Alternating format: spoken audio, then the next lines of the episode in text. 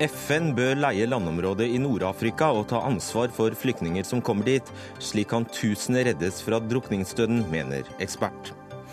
To milliarder koster det å ta imot 10 000 Syria-flyktninger, sa Støre. Kostnaden er 44 milliarder, hevder Finansavisen, og vi spør SSB hvem som er nærmest sannheten. Fem ulvejegere dømt til fengsel etter mafiaparagrafen. Aktoratet skyter spurv med kanon, sier forsvarer. SS-vakt innrømmet moralsk skyld for 300 000 mord i Auschwitz da rettssaken mot ham startet i dag. Men hva betyr en eventuell dom så lang tid etter?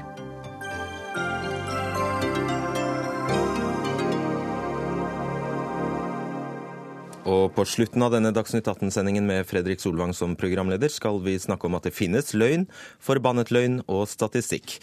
For Aftenposten beviste det da de påsto de målte tilliten til regjeringen, hevder meningsmålingssjef. Men først. To dager etter den siste båtflyktningtragedien i Middelhavet leter Europa og verden etter svar. Hvordan kan tragediene stoppes, og hvem har ansvaret for flyktningene som vi vet vil fortsette å komme? I dag er utenriksminister Børge Brende i Roma, der han har lovet Italias utenriksminister Norges støtte. Og Guri Nordstrøm, Berlin-korrespondent, hva mer har Børge Brende sagt i dag? Det han har sagt er at Norge nå gir 50 millioner kroner til FN-tiltak i Nord-Afrika.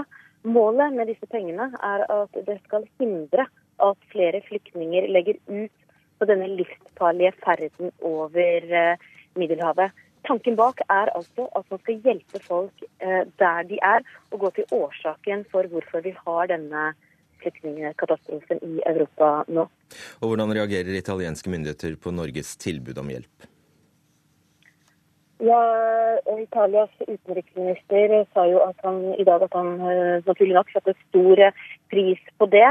Eh, han sier at dette er en så stor utfordring som Italia ikke klarer alene. I fjor så reddet den italienske kystvakten alene 100 000 flyktninger fra drukningsdøden. Og nå blir situasjonen bare mer og mer eh, alvorlig. Så de er veldig takknemlige for hjelpen de får, og at dette endelig har kommet på, på, på, på kartet. For dette er jo ingen ny sak. Dette har noe som har pågått uh, lenge. Og det skal vi snakke om nå. Takk skal du ha, Guri Nordstrøm. Hvem er det som egentlig har ansvaret for flyktningene som kommer til eh, Europa? Og hvem har ansvar for at de ikke risikerer livet i forsøket på å komme hit? Terje, Terje Einarsen, du er ekspert i flyktningrett ved Universitetet i Bergen. Og på NRK Ytring i går foreslo du at eh, FN burde leie landområder i Nord-Afrika og ta fullt folkerettslig ansvar for flyktninger som kommer dit. Hvordan ville dette fungere? Vel, eh, Hvis det forslaget ble implementert, eh, så ville det fungere på den måten at eh, det vil være et, et tilbud til flyktningene i, i, første omgang om å komme dit selv. Og Det skulle jo da være et, et område som du sier, der FN tar fullt ansvar, der flyktningene også får en grad av medbestemmelsesrett og, og rettigheter, og der man bygger opp infrastruktur og, komme vekk fra dette leirkonseptet, som er veldig problematisk av, mange grunner. Ja, Det var jo det mm, slik eh, FrPs Christian Tybring-Gjedde ble oppfattet i forrige uke, da han foreslo å opprette en slags flyktningleir i Tyrkia for to millioner mennesker. Er dette en lignende idé, eller er det noe helt annet? Ja, eh, Jeg er litt usikker på eh, hva som ligger helt i det forslaget til Tybring-Gjedde. Eh, tidligere har jeg oppfattet det slik at eh, det har vært snakk om å flytte asylsaksbehandlingen ut av Europa og, til eh, Nord-Afrika eller Tyrkia. Og Da vil jo det være et helt annet forslag enn det jeg da foreslår i, denne akutte situasjonen. På hvilken måte er det veldig forskjellig? Ja, altså jeg tenker at, eh, at, her vil FN komme inn og, og ta fullt ansvar eh, for flyktningene. Og, og, Meningen er jo da at de, de, skal eh, være i det området, men at det skal være et område som blir bygget ut. Eh, man må, må, bruke kapital, eh, man må, må, investere i dette området. Eh, man kan tenke seg at man bruker anledningen til å bygge opp noe som er, er varig, og ikke bare ser for seg at personer skal oppbevares i en leir. Men er det der de skal bli boende? Nei, selvfølgelig ikke. Eh, målet må jo være at, eh, at den konflikten som har forårsaket eh, flyktningstrømmene, til slutt ender, og at alle de som vil, kan, kan vende hjem. Her må man jo ha det er jo mange ting som må på plass selvfølgelig før man kan iverksette en slik ordning, og mange ting som må, må gjennomtenkes, men, men, dette er det store bildet. Og Hvor mange av disse tror du vil nøye seg med å bli der på et slikt sted, og ikke søke asyl i Europa? Nei, Det vet man jo ikke, men jeg tenker det at eh, man kan få splittet opp problemet og gjort det mindre. og At en god del av de som i dag befinner seg i Libya under veldig vanskelige forhold, faktisk da hvis de blir informert og, og man, uh, om, om denne muligheten, og man hjelper de til å komme f.eks. til eh, Tunisia, eh, hvis man der får i stand en leieavtale med Tunisia, så vil eh, en, en, god del av flyktningene kanskje velge den løsningen. Man har også den andre siden av det. De som nå prøver å komme seg over Middelhavet.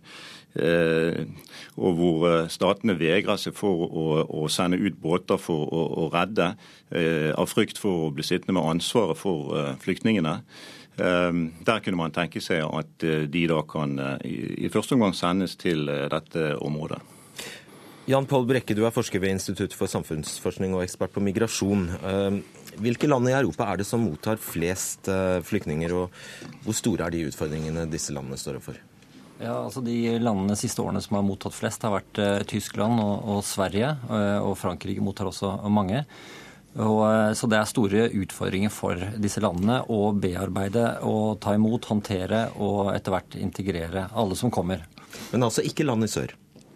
Nei, altså Ankomsttallene har vært store, men eh, de faktiske tillatelsene som gis, f.eks. i Italia, har vært eh, lavere, men noe høyere i fjor. Men noen år så er det lavt. Og, og da har man jo da tanker om at folk beveger seg gjennom disse landene til andre mottakerland i Europa. Og Det som nå står på EUs, øverst på EUs agenda, er en jevnere byrdefordeling. og Der kommer jo også slike forslag som vi hører fra Einarsen inn. Hva kan man gjøre for å gjøre ansvaret mer likt? Ja, altså nå er man, eh, man har dette Dublin-avtaleverket som eh, skal bidra til dette. Eh, men samtidig så er det vanskelig for landene å bli enige om nøkler for hvordan man skal fordele, fordele byrdene ved at folk kommer og behandles eh, skikkelig og får et, et skikkelig tilbud om integrasjon.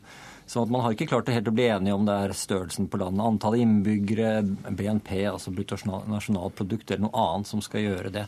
Så nå når det kommer, så føler Italia seg alene, og, og har liksom, eh, føler at de står ganske alene, selv om alle nå slutter opp akkurat de siste dagene. Men generelt så de, eh, har de følt seg eh, alene som mottakerland når vi får så mange som kommer. Mm, og sånn formelt etter internasjonal rett, hvem er det som står ansvarlig for det? Altså, etter, det er det landet der hvor eh, søknaden fremmes, som eh, har, eh, man har rett til å fremme søknaden, og man har en plikt til å behandle søknaden. Men så lenge EU-Schengen-området er et fellesområde, så, så, kunne man tenkt seg en, en, fordeling der. Men sånn som det er nå, så er det det første landet folk kommer til som har ansvar for å håndtere og behandle søknaden. Og det er jo dette systemet Einarsen, som nå er under sterkt press. Trenger verden rett og slett et helt nytt system og en ja, en slags ny internasjonal myndighet for å hanskes med de enorme flyktningstrømmene? Ja, altså Vi snakker vel egentlig om, om to uh, vidt forskjellige systemer. Altså Vi har uh, det systemet på europeisk jord som handler om, uh, om å plassere ansvaret hos en bestemt stat, såkalte Dublin-systemet. Det gjelder jo da kun for de flyktningene og asylsøkerne som kommer til europeisk jord. Men det virkelig store flyktningeproblemet befinner seg jo andre steder. Altså Det er jo i dag mer enn 50 millioner flyktninger i verden, eh, inklusive de som er internflyktninger i eget land. Og, og bare i, i, Syria så er det 6 millioner eh, internflyktninger minst, kanskje 8 millioner, og 4 millioner som i dag befinner seg utenfor landets grenser. Så hva gjør man da med, med disse? Det er jo, eh, og, og, hvis det da kommer ytterligere flere millioner ut fra Syria, hva gjør man med, med, med, de? Vil de da begynne å bevege seg mot Europa? og Har man, eh, har man da systemer eh, for å håndtere det problemet? Og Det er der mitt forslag i grunnen kommer inn først og fremst. Mm. Ja, Brekken. Ja. Nei, altså, eh, Problemet nå er jo at eh, alle delene av eh, alle bryterne på en måte står på maks. Dvs. Si at alle, nå brenner det i væpnede konflikter flere steder. Det er disse langtidsvirkende regimene som, som folk forlater, sånn som Eritrea står og, er, og liksom produserer flyktninger, samtidig som transittlandene er håpløse og det er høysesong i Middelhavet. Så på en måte så er alt liksom stilt til at dette store problemet og blir så synlig nå. da. Samtidig så har det vært et trykk de siste årene hvor nabolandene Vannene har blitt fylt opp. Og så eh, ser man denne strømmen nå, eh, som kan være en, en, konsekvens av de siste årenes politikk med satsing på å hjelpe i nærområdene, men som nå er vanskelig. Eh, ja, det viser sin svakhet da, med den modellen. Men så er det, oppstår det slike ting som at vi ser at et av øyenvitnene til tragedien kommer fra Bangladesh. Altså Det er litt av noen ruter? Ja, så Man snakker altså om eh, at det er blandete strømmer eh, som kommer over denne Nå blir mange av strømmene, når grensen er stengt i Hellas og i Spania, så er, blir man presset gjennom denne, denne midtre middelhavsruten.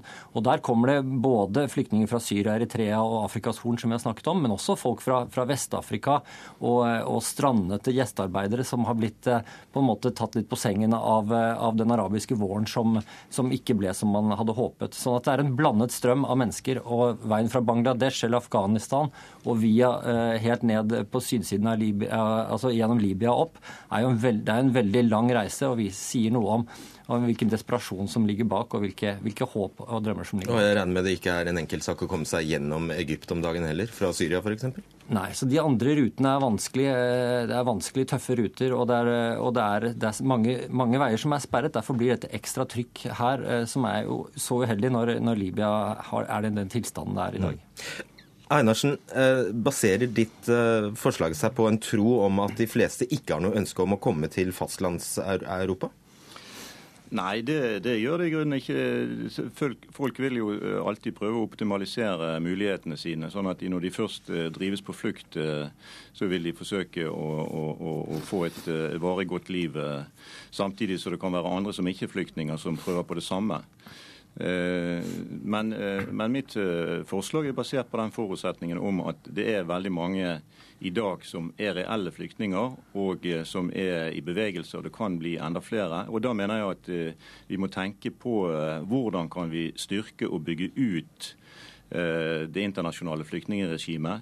Og kanskje òg se litt fremover og, tenke på at på sikt så må vi, må vi bort fra flyktninger leirkonseptet. Dette at UNHCR og hjelpeorganisasjonene, som eh, gjør en kjempejobb eh, i, i mange sammenhenger, skal, skal ha ansvaret for flyktningen, der flyktningene på sin side ikke har noen rettigheter og ikke noen medbestemmelsesrett eh, over sitt eget liv. Mm. Brekke, du sier at det er en rekke uheldige omstendigheter som fører til dette klimakset nå, men vil dette virkelig avta? Man, jeg, det er vanskelig å si akkurat i disse dager. Nå, nå koker alt, på en måte. Og det, er, og det, er, eh, helt ekstreme tilstander i Italia over Middelhavet. Eh, normalt sett så er, sesong, sånn, så er, det sesonger i denne ruten over Middelhavet. og Man må anta at det vil avta etter hvert.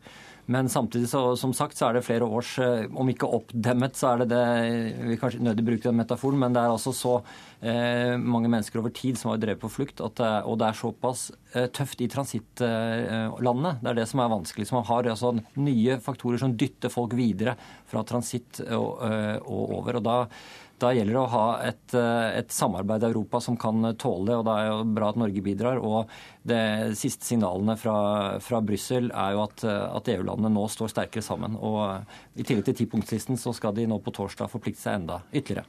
Da sier jeg takk til dere, Jan Pål Brekke og Terje Einarsen. Vi får høre FN lytter til deg.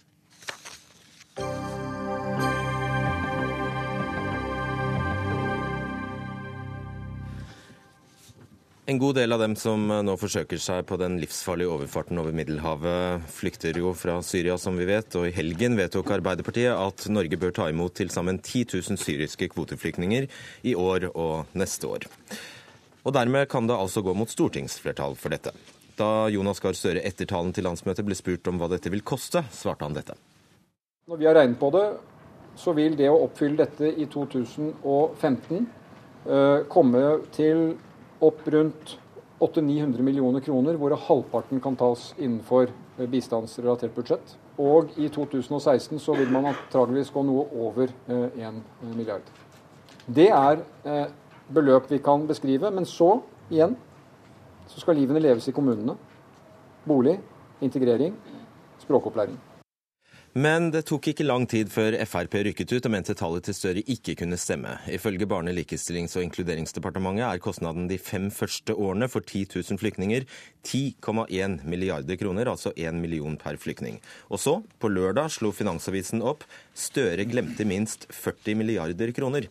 Og Finansavisen beregner eh, dette, basert på grunnlagsdata fra Statistisk sentralbyrå, at flyktningene koster mellom 44 og 70 milliarder kroner i løpet av et livsløp. Erling Holme, du er forskningsleder i Statistisk sentralbyrå, og det er dine tall Finansavisens beregninger baserer seg på. Hvor langt unna sannheten er eh, avisa? Avisen, ja, altså Sannheten eh, er det jo ingen som har her. Dette er personer som ennå ikke har kommet.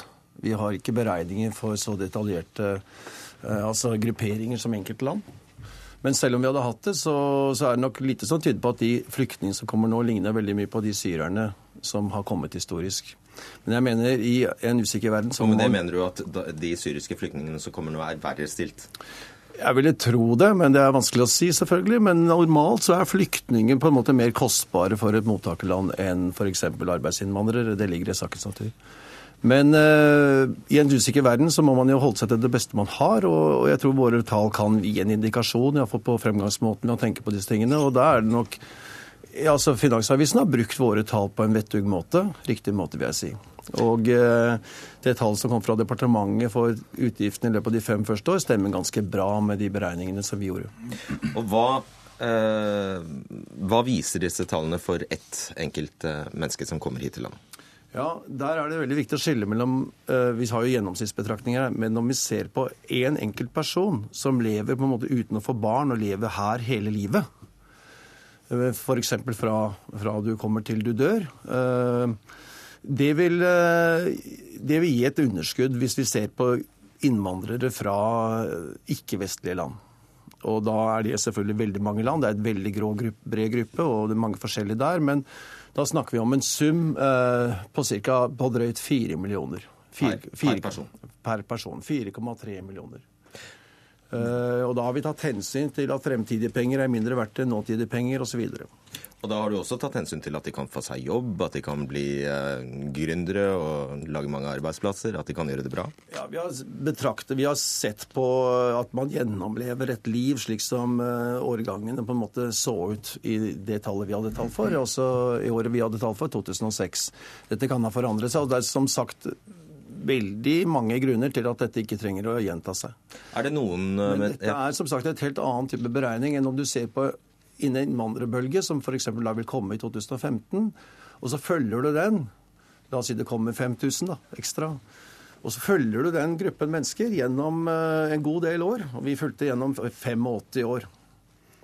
Og da også deler vi effektene per eh, innvandrer som kom. altså Deler alle effektene på 5000, så får du liksom per stykk. Men da har du tatt hensyn til at de får barn, og at noen flytter ut igjen.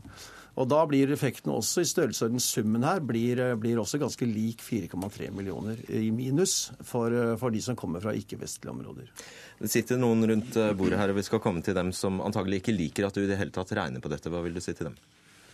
Ja, det kan jeg forstå. Jeg har alltid litt problemer med dette, enten det gjelder eldrebølge og eldre som skal ha stønader, og innvandrere. Jeg øh, mener at det egentlig ikke er noen motsetning mellom det å prioritere humanisme og det å vise frem hva vi da må forsake av andre ting, hvis vi virkelig mener noe med å prioritere humanisme. Uh, og jeg tror det er veldig dumt å, bygge opp en uh, altså, vi, vi, har som formål i SSBs forskningsavdeling å kaste lys over viktige samfunnsspørsmål, på det økonomiske planet iallfall. Og det er ingen tvil om at innvandring er en veldig viktig endring av det norske samfunn, og det ville være en unnlatelsesfeil å ikke regne på virkningen av det. Da tror jeg vi også ville etterlatt et vakuum hvor det kunne komme mye mer dirty beregninger enn det jeg tror kommer fra oss. Og bare for å ha det på det rene, det er ikke sånn i ditt regnskap at ingen av oss er lønnsomme? Det, eh, altså, der er det ingen Noen av oss er lønnsomme. det er eh, Ja, det er, jeg kan ikke Jeg får vise til rapporten vår om dette her. Ja, ok. Eh, det, det, du skriver er altså hvis man kategoriserer på denne måten, så vil en gjennomsnittsnordmann bidra med om lag 6 millioner i løpet, netto i løpet av et livsløp. Ja, det er hvis du gjennomlever, følger én nordmanns liv. Ja. Men hvis du tar hensyn til følger en, en, en fødselsbølge, altså hvis du følger fødselsbølge og tar hensyn til at man får barn igjen og så, og så, så er det veldig tilfeldig hva effektene blir etter f.eks. 85 år, som vi så på. fordi da er det liksom sånn det er litt tilfeldig om du da er i en fase hvor disse her er blitt gamle samtidig som de har fått barnebarn eller oldebarn. Og da er det liksom plutselig på et sted i eh, historien hvor, hvor, denne bølgen er blitt veldig dyr. Og så bare til slutt, altså Kan det stemme at 10 000 syriske flyktninger kan koste 2 milliarder i løpet av to år, som Støre da hevder. Ja, men det tror jeg Jeg tror ikke det er ment engang som et anslag som kan sammenlignes med det som vi og Finansavisen har eh, regnet på. For disse, Jeg regner med at, jeg vet ikke, men jeg regner med at dette er stort sett kostnader knyttet til å transportere dem hit. Eh, finne dem, eh, gi dem husvære, klær, mat, nødvendige goder som de første årene. Det er lite av disse spesielle utgiftene knyttet til flyktninger som vi har med i vårt regnestykke, så det kommer som et tillegg ved at de er flyktninger. Og Da skal vi bare gjøre oppmerksom på at vi har invitert hvem som helst i Arbeiderpartiet til å debattere dette, men eh, de hadde ingen å stille med. Ketil Solvik-Olsen, du er nestleder i Frp og samferdselsminister. Ja, du får vel vann på mølla når du hører dette? Dette bekrefter jo eh, det som jeg hevda litt i går òg, at eh, Arbeiderpartiet har hatt et landsmøte der de har hatt en slags hjemme alene-fest. Vedtatt en masse ting som ser bra ut på papiret, men der de faktisk ikke vet hva ting koster. Når du ikke vet hva ting koster, så klarer du heller ikke å prioritere mellom ulike ting, og du får en ønskeliste som blir altfor lang. Og dette er en feil prioritering, mener du? Ja, Jeg mener det er en feil prioritering. Eh, altså, det er, er, to sider med den debatten. Det ene er at Arbeiderpartiet lover ting de ikke vet hvordan de skal finansiere. Eh, og Det er jo litt rart òg, fordi eh, i går så var Marianne Martinsen, som er finanspolitisk talsmann, ute og sa at dette vet de nøyaktig tall på. Nå ser vi at det er ikke tilfellet. I morges så innrømte Arbeiderpartiets nestleder at selvsagt så har de ikke regna på alt likevel. Så det kommer litt ulike forklaringer. Det andre er hvis vi først sier at vi skal hjelpe 10 000 syrere. Og med den forferdelige situasjonen som er i landet, så er det noe som er lett å ha sympati med. Så må vi likevel diskutere hvordan klarer vi å hjelpe flest mulig for de ressursene vi setter Og Da sier jo Høykommissæren for flyktninger sjøl at for det det koster å ta én flyktning til Norge, så kan det hjelpe mellom 13 og 26 personer i nærområdene. Og La oss håpe og tro at dette er en konflikt, en grusom konflikt, men at det noe er forbigående. og Det betyr at dette er folk som ønsker å returnere hjem. Eh, og Da vil vi òg ha gjort de en eh, tjeneste ved at vi har hjulpet i nærområdene, istedenfor å ha tatt dem til et samfunn som de ikke har store forutsetninger for å klare seg godt i på, på kort sikt. Audun Lysbakken, du er leder i eh, SV. Du har jo selv sittet i regjering og dratt, uh, halt og dratt i hver eneste krone, så et tall på 44 milliarder kroner må jo gjøre inntrykk også på deg? Det er mye penger, men nå skal vi si at det normale i et budsjett er jo at du setter opp kostnadene for neste år. Ikke og ikke sant? 100 år. Ja, men sant, fordi at hvis du først, altså hvis Solvik-Olsen skal arrestere alle som ikke har tatt livsløpskostnader ved et tiltak opp, så kan han jo begynne med å arrestere seg sjøl. Hvis du tar f.eks. de er det 4 milliarder som er gitt i formuesskattelette til nå, eh, og så skal du ta livsløpskostnaden på den, så blir jo den enorm om bare de første ti årene så vil jo Solvik-Olsen sin formuesskattepolitikk koste oss 40 milliarder. Så der, der er vi der. Sant? Så jeg tror her er det litt epler og pærer vi sammenligner. Men det viktige er jo jeg har nemlig, og det er det som er viktig å si, jeg har absolutt ingenting imot at Holmøy regner på dette. Jeg tror det er viktig for en opplyst diskusjon. Men det som er veldig avgjørende, er at vi ikke misbruker sånne tall i politikk. Fordi For oss som samfunn så kan det være galt av sted hvis vi begynner å rangere folk i lønnsomhet og ulønnsomhet. Eh, og Da er det avgjørende, mener jeg, at flyktninger tar vi jo ikke imot fordi vi skal tjene penger på det. Det ligger i sakens natur at det ofte er et dårlig økonomisk regnestykke. Vi tar det imot fordi vi er et samfunn som kjenner verdien av noe mer enn penger. Eh, og det er det det her er en prøve på eh, for oss òg. Krigen i Syria enorme kostnader. Der er snakk om å ta en bitte liten liten del av den kostnaden for et rikt land som Norge. Sven Mollekleiv, du er president i Norges Røde Kors. Var du klar over da dere tok initiativ til å, dette, altså kampanjen for å få 10 000 syriske flyktninger hit, hva prislappene ville bli? Ja, Vi lever inne i Syria i dag. Så vi ser hvilke enorme lidelser befolkningen er utsatt for. Vi lever inne i alle nabolandene. Vi har sett at Tyrkia har tatt imot to millioner at lille Libanon, en befolkning på fire millioner, har tatt imot 1,8 millioner. Vi ser hvordan dette presser seg på, og vi sier følgende. Én, få slutt på krigen. To, sørg for å hjelpe folk mest mulig der de ønsker å være, nemlig der de hører til, i Syria eller i eh, nabolandene. Men tre, Når presset er så stort at man ikke klarer lenger å hjelpe alle der de er, fordi folk må rømme ut, så må vi også i tillegg hjelpe til når de kommer til Europa. Det er urimelig at Italia tar alle. Det er urimelig at ikke Europa deler på regningen. Og det er slik at det vi gjør nå, er å invitere, i tillegg til økt innsats i nærområdene, til en dugnad i Norge, slik vi gjorde på Balkan, ved å kunne ta imot, slik at regnestykket blir best mulig, at folk får forutsetninger for å kunne bli ressurser i eget og vårt liv når de kommer til Norge. For jeg må minne om at eh, det handler også om et land og et folk som er høyt utdannet, velorganisert, som har kompetanse. Og hvis vi tilrettelegger når de kommer, så kan det være at regnestykket blir bra. Men vi har ingenting imot at vi sier hva de reelle kostnadene er, så lenge vi tar en, en, en samlet innsats. Og jeg må bare ja. si, denne saken er så viktig at her må et samlet storting sette seg ned.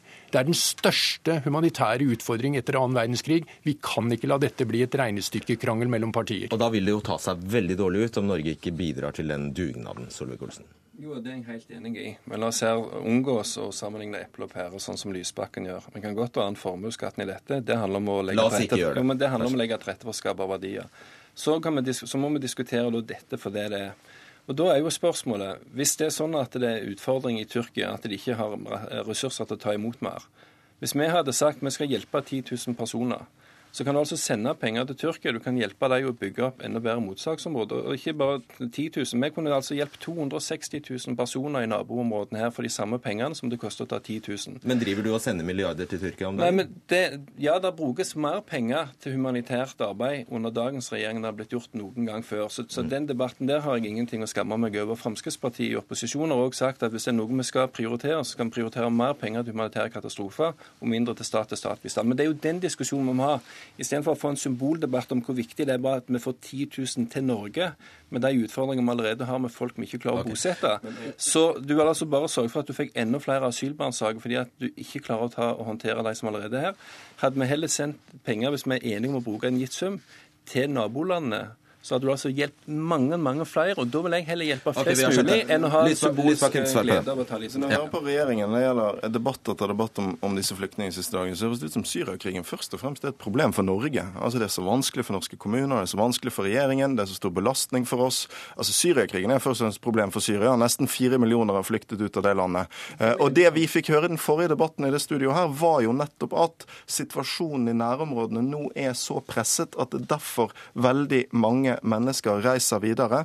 Ta et land som Libanon. Befolkning omtrent på størrelse med Norge. Det er altså i dag sånn at skolesystem, arbeidsmarked, den statens kapasitet til å ta imot mennesker er sprengt. Det Fremskrittspartiet sier er en illusjon. Selvfølgelig skal vi hjelpe til i nærområdene òg, men de som jobber med disse menneskene, hør på Røde Kors f.eks., sier jo nå at det er nødvendig at europeiske land også tar sin del av ansvaret. Derfor må vi ikke velge mellom de to tingene. Vi må gjøre begge deler. Vi står overfor den største flyktningkatastrofen i verden på mange, mange tiår. Da må til og med Frp våkne. Svar veldig kort på det. Jo, men, men jeg, jeg, Vi er helt enige om at problemet i Syria er størst for Syria. Men så har jo òg Røde Kors og Støre vært ute og sagt at dette er ikke noe som vil bety veldig mye for veldig mange, men det er symbolsk viktig.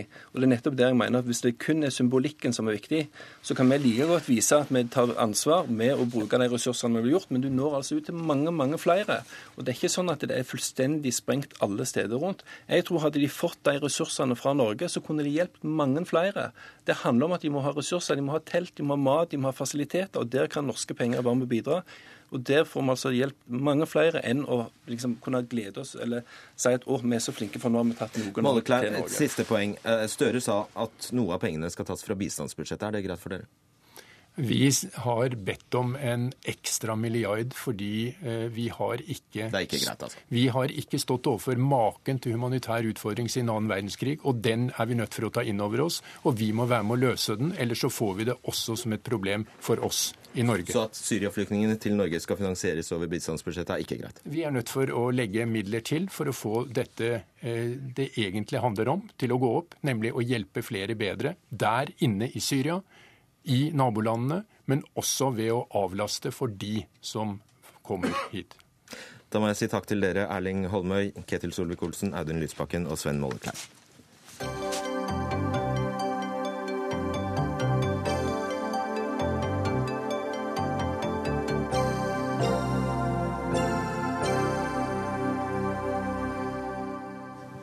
I det som er en historisk dom i Norge, ble i dag fem personer dømt til mellom 6 og 20 måneder i fengsel for ulovlig organisert ulvejakt i Elverumstraktene.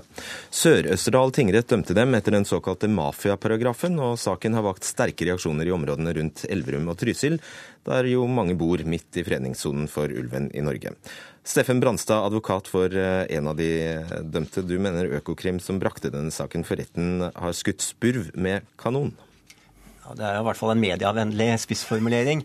Og, og den har jo kommet opp eh, fordi eh, etter min oppfatning, eller min, min klients oppfatning, så har det vært et veldig massivt hva skal jeg si, trykk på etterforskningen.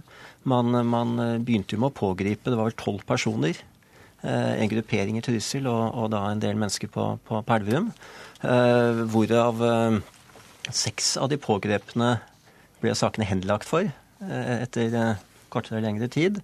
Og, Så det var tolv, begynte med tolv? Som ble pågrepet. Og, og, som basis for det så har man jo da telefonavlyttet ganske mange personer.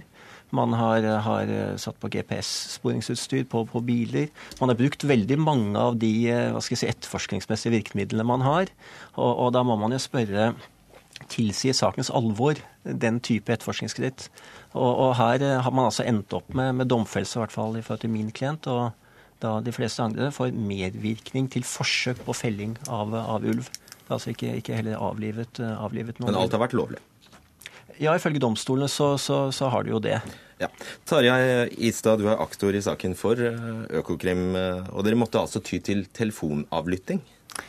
Bakteppet her er jo litt at politiet har fått meldinger om eh, ulovlig ulvejakt gjennom 80-, 90-tallet, 2000-tallet, samtidig som Petter Wabakken på Høgskolen i Hedmark med sine kollegaer har forsket og påvist at annenhver ulv som dør ulovlig i Norge, den dør som følge av illegal ulvejakt. Og da er det jo litt sånn eh, at politiet har et sett av verktøy i sin verktøykasse. Eh, og jeg tror folk også forventer at vi bruker de når strafferammer og alvor tilsier det. Og derfor så gjorde vi det her og gikk til telefonavlytting. Og la meg si også at Eh, eller være så åpen og si at det er jo klart at det er jo nytt på dette området i forhold til narkotika. Ja, Det er ikke områder. gjort når det gjelder miljøkriminalitet tidligere? er Det Nei, og det ga, klart at det ga jo også taktisk eh, fortrinn overfor de kriminelle, og det, det, brukte vi. Det er ingen jegere som tør å snakke i telefonen lenger nå? Nei, det å snakke om lovlige ting. Ja. Eh, din klient har allerede anket denne dommen. Hvor langt er han villig til å gå? Nei, han er jo villig til å gå så langt som, som systemet da tillater. Men, men uh, han håper jo på at han vil få et annet utfall i lagmannsretten enn hva han gjorde i, i tingretten. Han har fra første stund ikke erkjent straffskyld, og, og, mener seg jo da uriktig dømt. Eh, og så har dere brukt den såkalte mafiaparagrafen. Hvorfor det? La meg nå i hvert fall i dette studio en gang for alle ta livet av det uttrykket mafiaparagrafen, som passa dårlig før bestemmelsen ble lempet i juni 2013, og passer enda dårligere nå. Jeg er sikker på at advokatene er med meg på, på, det. Det er en bestemmelse om organisert kriminalitet. Eh, og den eh, brukte vi fordi bestemmelsen ble lempet i 2013. Det ble mindre krav til at dette er en mer sånn hierarkisk, typisk Eh, mafia, for å si det, det tilbake. Det høres ganske skummelt ut det òg, organisert kriminalitet. Ja, og nå er det spørsmål er det grupperinger, nettverk, som samarbeider om kriminalitet over tid og har en viss struktur og varighet på det, så skal straffen skjerpes med den bestemmelsen. og, og det har vi anført, og retten er da enig med oss i det. Og nok en gang da, så har ikke den lovhjemmelen blitt brukt i en slik sammenheng eh, tidligere. Hvordan ser du på det? Nei, Det har i hvert fall ikke, ikke vært opp for Høyesterett uh, tidligere. Naturlig nok, kanskje, all den tiden kom da i juni 2013. Og det tar litt tid å få opp, uh, få opp sakene for domstolene. Uh, og, og, det er jo da et spørsmål om hvor mye terskelen ble senket i juni 2013, da denne bestemmelsen, nye bestemmelsen ble innført. Og, og, det er jo da et litt hva skal vi si, ukjent terreng da, å, å gå inn i. Denne side mener jo at, at tingretten nå la terskelen for lavt i forhold til eh, hva som er akseptabel jus.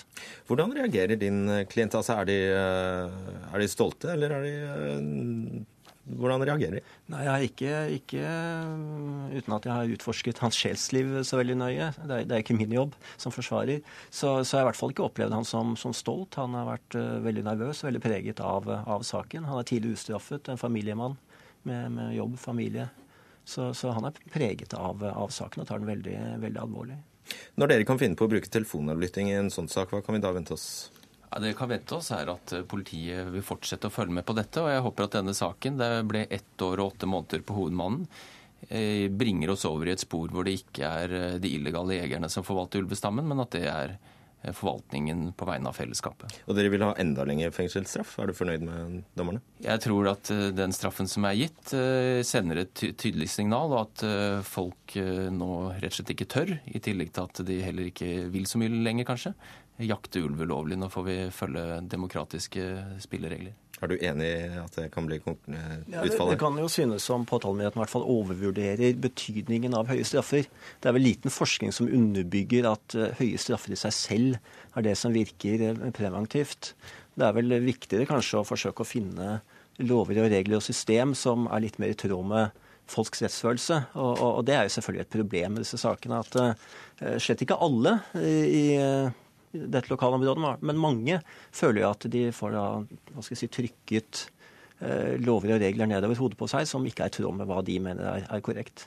Vi skal fortsette på samme tema, men eh, takk til dere, Steffen Branstad og Tarjei Istad, i denne omgang. Jakt på eh, ulv, om den er lovlig eller ikke, har jo lenge vakt eh, sterke følelser blant eh, både rovdyrforkjempere og de som ikke vil ha ulv i Norge i det hele tatt. Og Nils Solberg, du er leder for aksjon Ny rovdyrpolitikk. Hva syns du om den dommen i Elverum i dag? Jeg syns jo dommen på mange måter er en katastrofe. Og først og fremst er det et eksempel på at vi har to rettsregimer i Norge et rettsregime på innsiden ulvesonen, som er politikerskapt, og ett på utsiden. At de skjønner ikke hva det dreier seg om? Eh, jo, vi skjønner veldig godt hva det dreier seg om. Men eh, altså, dette er jo eh, Domstolen, mener jeg? Eh, jo, jo, da, det gjør det sikkert. Men nå er jo, er jo alt dette anket på stedet. Men eh, det er klart at vi har ett rettsregime på innsiden av ulvesonen og ett på utsiden.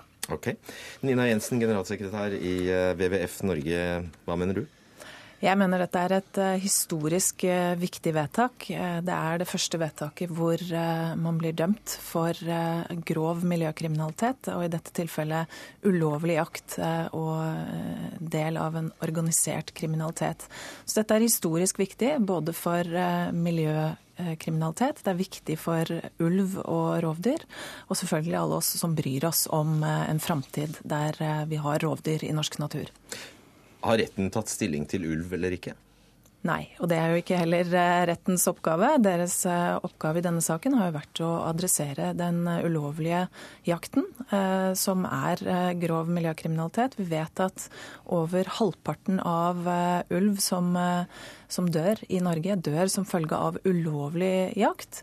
Og det at Økokrim og påtalemyndigheten nå har satt dette på dagsorden, og at man faktisk får en, en dom i en slik sak, det er utrolig viktig. Solberg, mener du retten eh, i praksis har uttalt seg om ulv? Eh, det har det vel for så vidt gjort. Eh, men tilbake til påstandene fra Nina Jensen her og WWF. Eh, altså, ulven er jo på ingen måte utrydningstruet. Eh, og, og eh, den ene ulven som beviselig er skutt på Elverum, det er én ulv av 14 andre ulver som ble skutt lovlig samme året. Det er én ulv av 44 ulver som ble lovlig skutt i Sverige, pluss 15 til. Så det er én ulv av 75 lovlige ulver som ble skutt dette året.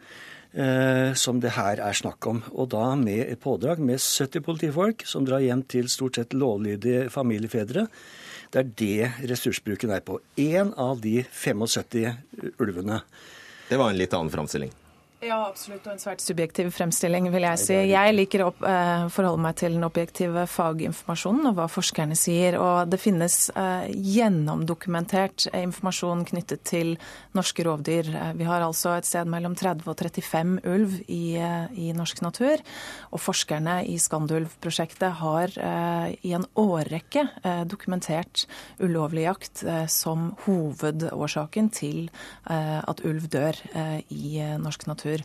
Og det er altså heller ikke verken WWF eller, eh, eller, denne aksjonen som skal definere om en art er kritisk truet. Det er, eh, det er det miljømyndighetene som gjør. Eh, og den er altså oppført på den offisielle rødlista som kritisk truet. Det må vi forholde oss til. Jo altså Den er oppført på den nasjonale rødlisten, Jensen. og både du og jeg vet det, at ulven er den vanligste pattedyarten etter rødrev, eh, brunrotte og villsvin på den nordlige halvkule. Eh, de ulvene vi, har, de ulvene vi har her i Norge, de er deler av akkurat den samme bestand som kommer fra Russland. Og det er stort sett russiske gener i den ulven som, som det her er snakk om. Eh, og det er ulv som kommer fra en bestand på over 100 000 dyr. Så direkte truet er det ikke. Og så om vi har én Men det er 30-40 bare, altså hvis du bare ser på Norge? Det er heller ikke riktig. Skanulv de kom med at til nå i, i vinter så har det vært eh, mellom 60 og 70 ulv innom Norge som det er DNA fra. Og det er kun de som de har DNA fra. Eh, jeg syns jo det er interessant eh, å, å, høre um, disse synspunktene. Eh, jeg mener jo fortsatt at man bør forholde seg til den informasjonen som vi faktisk har. Vi har god sporing på ulv som lever innenfor landets grenser, og de er altså holdt på et kritisk lavt nivå. Men disse ulvene yngler jo, og i dagens forvaltningspolitikk så skal ulvebestanden holdes på om lag det nivået den er i dag. Og det betyr jo jakt på et visst antall ulver i året. Er det greit? Det er helt, det er helt riktig. Det er dagens forvaltningsregime. Utfordringen er at eh, vi i dag har som mål at det skal være tre eh, årlige ynglinger, og nå er vi nede på to. Eh, og med et så lavt bestandsnivå så skal det veldig lite til av type ulovlig jakt, påkjørsler eller annen aktivitet for å drastisk redusere dette tallet videre. Derfor så trenger man et strengere og et bedre forvaltningsregime for å, å ta vare på rovdyrene, men også ivareta lokalsamfunnene. Svar kort på det. Ja. Eh, altså, det, må, det, er bare å se på, se på, på norgeskartet, eh, Jensen. Og der er et eh, land på østsiden av oss som heter Sverige. Vi er langt og smalt, og vi deler rådyra våre med Sverige. I Sverige er ca. 700 ulv, og det er om et par-tre av det er innom Norge og eventuelt ble skutt. Det har ingenting for bestanden å gjøre. Men vi ønsker at vi kan få til en politikk som vi kan leve med, uh, også i ulveforvaltningen framover. Og da sier jeg takk til dere, Nina Jensen og Nils Solberg.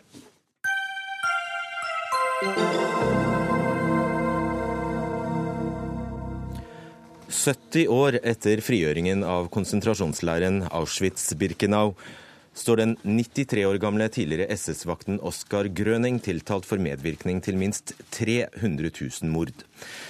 Rettssaken startet i Lüneburg nord i Tyskland i dag, og det var holocaust-benektere som gjorde at eh, Grøning etter mange års taushet fortalte om sin tid i Auschwitz. Og her hører vi ham i et BBC-intervju fra 2005.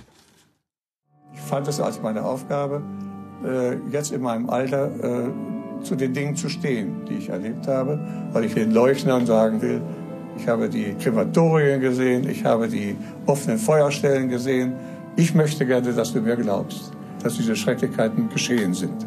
Ich war dabei. Ja, jeg syns eh, det er mitt ansvar å fortelle om det jeg har opplevd. Jeg så krematoriene. Jeg vil at dere skal tro meg og vite at disse skrekkelige handlingene skjedde. Jeg var med, sa Grøning her.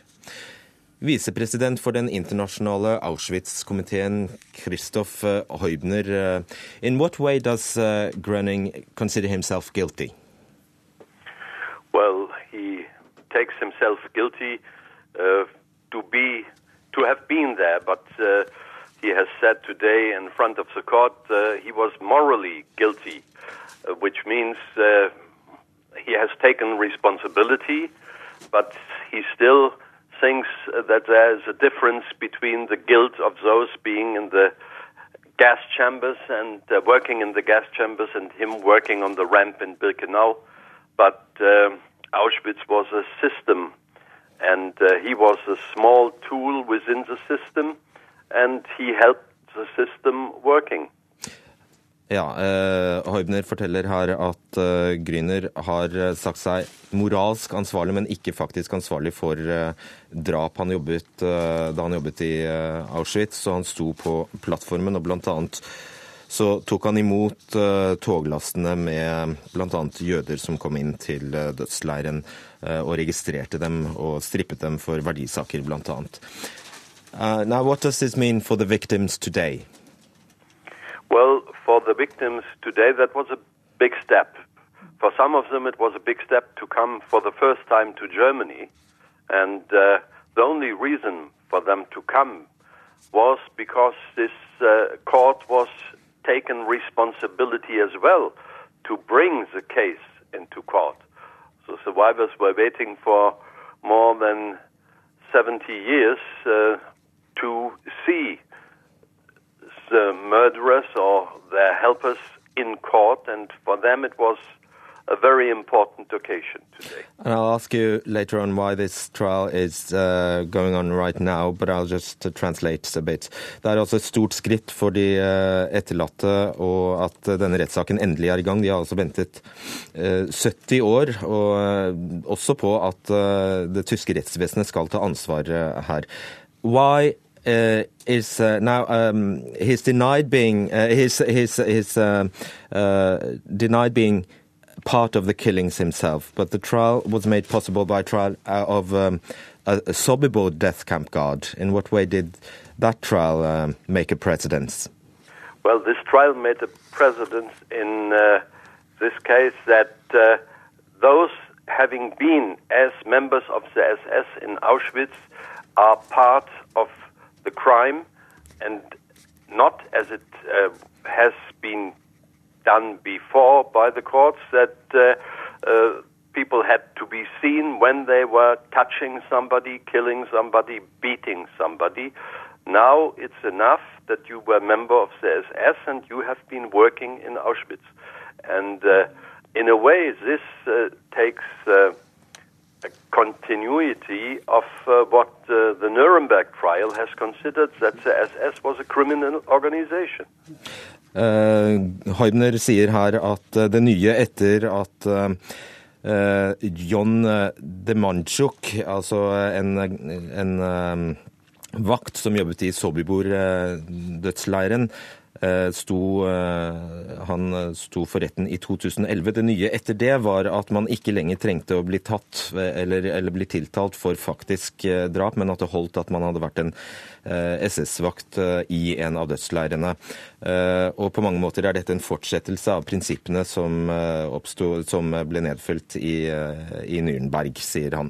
Now, Does this fact that it takes so many years to put on such a trial say anything about the, the way the German justice system works? Well, this is an ongoing scandal.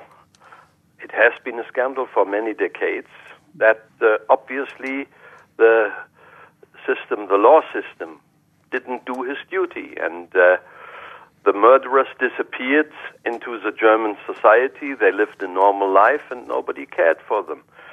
And uh, obviously, it wasn't important for the law system to bring people into the courtrooms. That's uh, disappointing, and uh, well, it's a it's a bad stamp on German reputation. Thank you very much, Mr. Christoph Heubner. Uh, Heubner sier her til slutt at det har vært en eh, skandale alle disse årene da man ikke har fått på plass eh, slike uh, rettssaker, og en skandale for det tyske juridiske systemet. Disse, har, eh, disse, krigsforbryterne har altså kunnet leve helt normale liv helt fram til nå. Professor i statsvitenskap Bernt Hagtvedt eh, Grøning ble stasjonert i Auschwitz i 1942, men han står altså tiltalt for perioden mellom mai og juni 1944, da rundt 300 000 jøder ble gasset i hjel i dødsleiren. Hvorfor er det akkurat dette han er tiltalt for? Fordi det var den tiden da Eichmanns SS-kommando, bestående av meget få menn, kom til Budapest og i løpet av åtte uker tok livet av innpå 500 000 mennesker. Det nøyaktige tallet er ca. 470 000. Og det var den perioden hvor ca.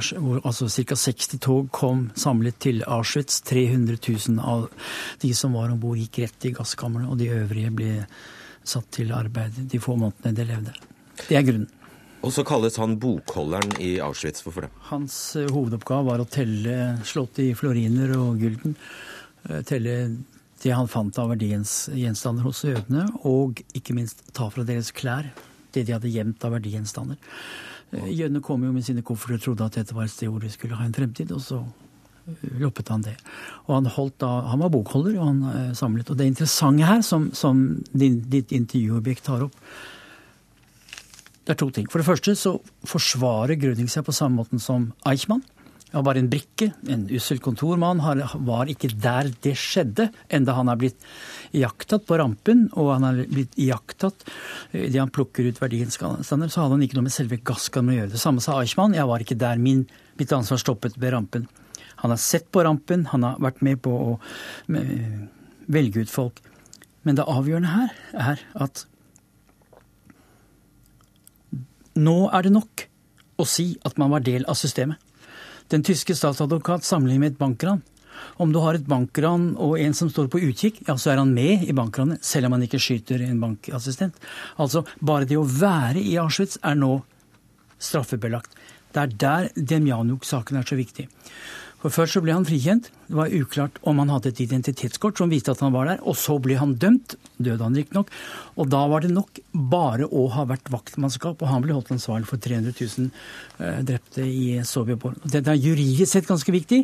Det som det nåværende aktorat gjør, er å senke begrensningene for å bli dømt. Før så sa den tyske retten, bl.a. under Auschwitz-saken i 65, vi må vise at han slo, drepte eller skrudde på gass, altså sammenheng mellom gjerningsmann og offer. Den forbindelsen nå er brutt, og det betyr at man kan ha mye, mye bredere aktorat. Tiden, tiden løper fra oss her, men til slutt, eh, hva kan det bety om eh, Grønning blir dømt her? Det er viktig aldri at slike drap skal eh, bli foreldet. Helt inn i døden skal disse menneskene forfølges. Det er uhyre viktig moralsk og politisk. Da må jeg si tusen takk til deg, Bernt Hagtvedt, professor i statsvitenskap.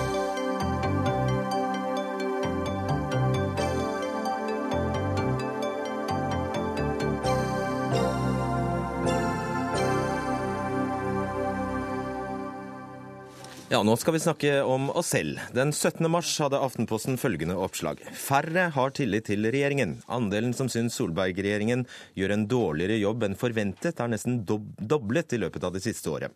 Aftenposten innhenter kommentar fra en ikke-sjokkert Siv Jensen, mens valgforsker Anders Todal Jensen mener målingen som er utført av Respons er illevarslende for regjeringen. Og så kommenterer redaktør Harald Stanghelle saken og skriver at dette bør være et varsko for Solberg. Og sånn som dette holder jo vi i pressen på med. og jeg vil eh, presisere at NRK på en dårlig dag sikkert kunne gjort akkurat det samme. Men det må vi altså ikke gjøre, sier du Erik Dalen. Du er direktør i Ipsos MMI, konkurrenten til Responsanalyse. For du mener at stort sett alt var feil her fra A til Å. Hvordan? Ja, jeg syns det var mye feil i denne, dette innslaget. Og jeg har jo kritisert Aftenposten like mye som vår konkurrent. Eh, grunnen til at jeg reagerte, var jo at denne målingen er et godt eksempel på det jeg omtaler som en tullemåling. Altså Den ser teknisk ut som en helt vanlig meningsmåling, men den gir resultater fordi spørsmålene er stilt som de er gjort, på en måte som ikke lar seg tolke på en fornuftig måte. Klarer du å forklare oss som ikke har hovedfaget statistikk og metode, det? Jeg kan begynne med Aftenpostens feil. De omtaler resultatene som et tap av tillit. Og det er ikke spurt om tillit i meningsmålingen i det hele tatt. Så det syns jeg ikke Det er spurt om man mener at uh, regjeringen har gjort en bedre eller dårligere jobb enn forventet. Men det som kanskje er litt vanskeligere for folk flest å forholde seg til, det er måten man har spurt på. Man forsøker å få folk til å tenke tilbake på de forventningene man hadde for halvannet år siden, og så skal de sammenligne de for, den jobb, jobben som er gjort i dette halvannet året, med de forventningene de hadde. Og Det er en øvelse som mentalt er veldig vanskelig. Det går ikke, sier du? Og det går ikke. Og dessuten så er det ikke spurt om hva slags forventninger de hadde. Og vi vet at folk har ulike forventninger forventninger. Dvs. Si at det folk svarer på dette spørsmålet, er helt avhengig av utgangspunktet de måtte ha. Og mye kan ha skjedd i dette halvannet året. Man kan ha skiftet parti, man kan ha forholdt seg til en rekke eh, saker som har gått både med det man ønsker, eller mot det man ønsker, osv. osv. Så, videre. så dette her er nesten umulig å forholde seg til. Tore Olavsen, du er daglig leder i Respons Analyse. Ja, har dere faktisk spurt om noe som ikke lar seg måle? Nei, det har vi ikke gjort. Ehm, det er riktig det som Erik eh, Dalen sier, at ehm, dette er ikke riktig metode for å måle tillit til regjeringen. Så det tar du intet ansvar for? Det, det, er ikke noe tillitsmåling, men det er en forventningsmåling om regjeringen har gjort det bedre eller dårligere, eller omtrent som forventet. Altså hvordan regjeringen har levert ut fra egne forventninger. Men Dalen sier du ikke kan det heller? Ja, jeg mener at vi kan det. Altså, dette, vi husker på at dette er et spørsmål som eh, først ble stilt i mai eh, i fjor. Eh, halvt år etter at regjeringen kom, ble etablert. Og så bestemte vi oss for at dette spørsmålet stiller vi igjen i mars, nå i mars i 2015, for å se på utviklingen fra 2014 til 2015. Og Det er nettopp det som er det interessante her, og det er det som bør trekke, trekkes frem.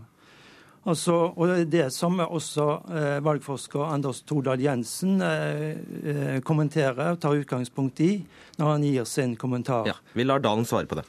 Først vil jeg jo si at både Todal Jensen og Stanghelle i sine kommentarer i nevnte artikkel åpenbart skjønner at det er vanskelig å kommentere eh, denne målingen. Så jeg tror ikke vi skal dra det altfor langt. Men det som jeg har lyst til å si, det er at en sånn forventningsmåling er vanskelig å forholde seg til, for den sier jo ingenting om regjeringen gjør det godt eller dårlig, f.eks. Eh, eller om man har høy eller lav tillit. Fordi de forventningene man har, de er på en måte noe som man har i det øyeblikket man ser fremover, mens her har man sett bakover. og Man, har, man rekonstruerer ikke forventninger bakover i tid. og Derfor så blir det svar på hvordan man opplever dagens situasjon.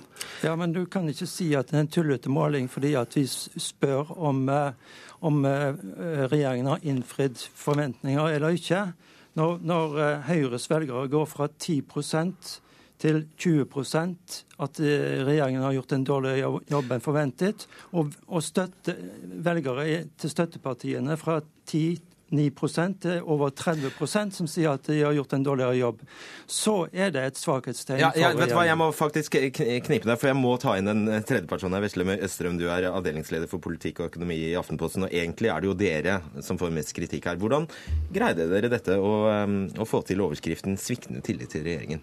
Nei, Jeg er jo enig i Dalens kritikk og at den tillits, tillitstittelen og vinklingen eh, er å trekke det litt langt, og at det er en upresis formulering rundt tillit, fordi det nettopp er blitt påpekt her. Det er ikke det vi har målt.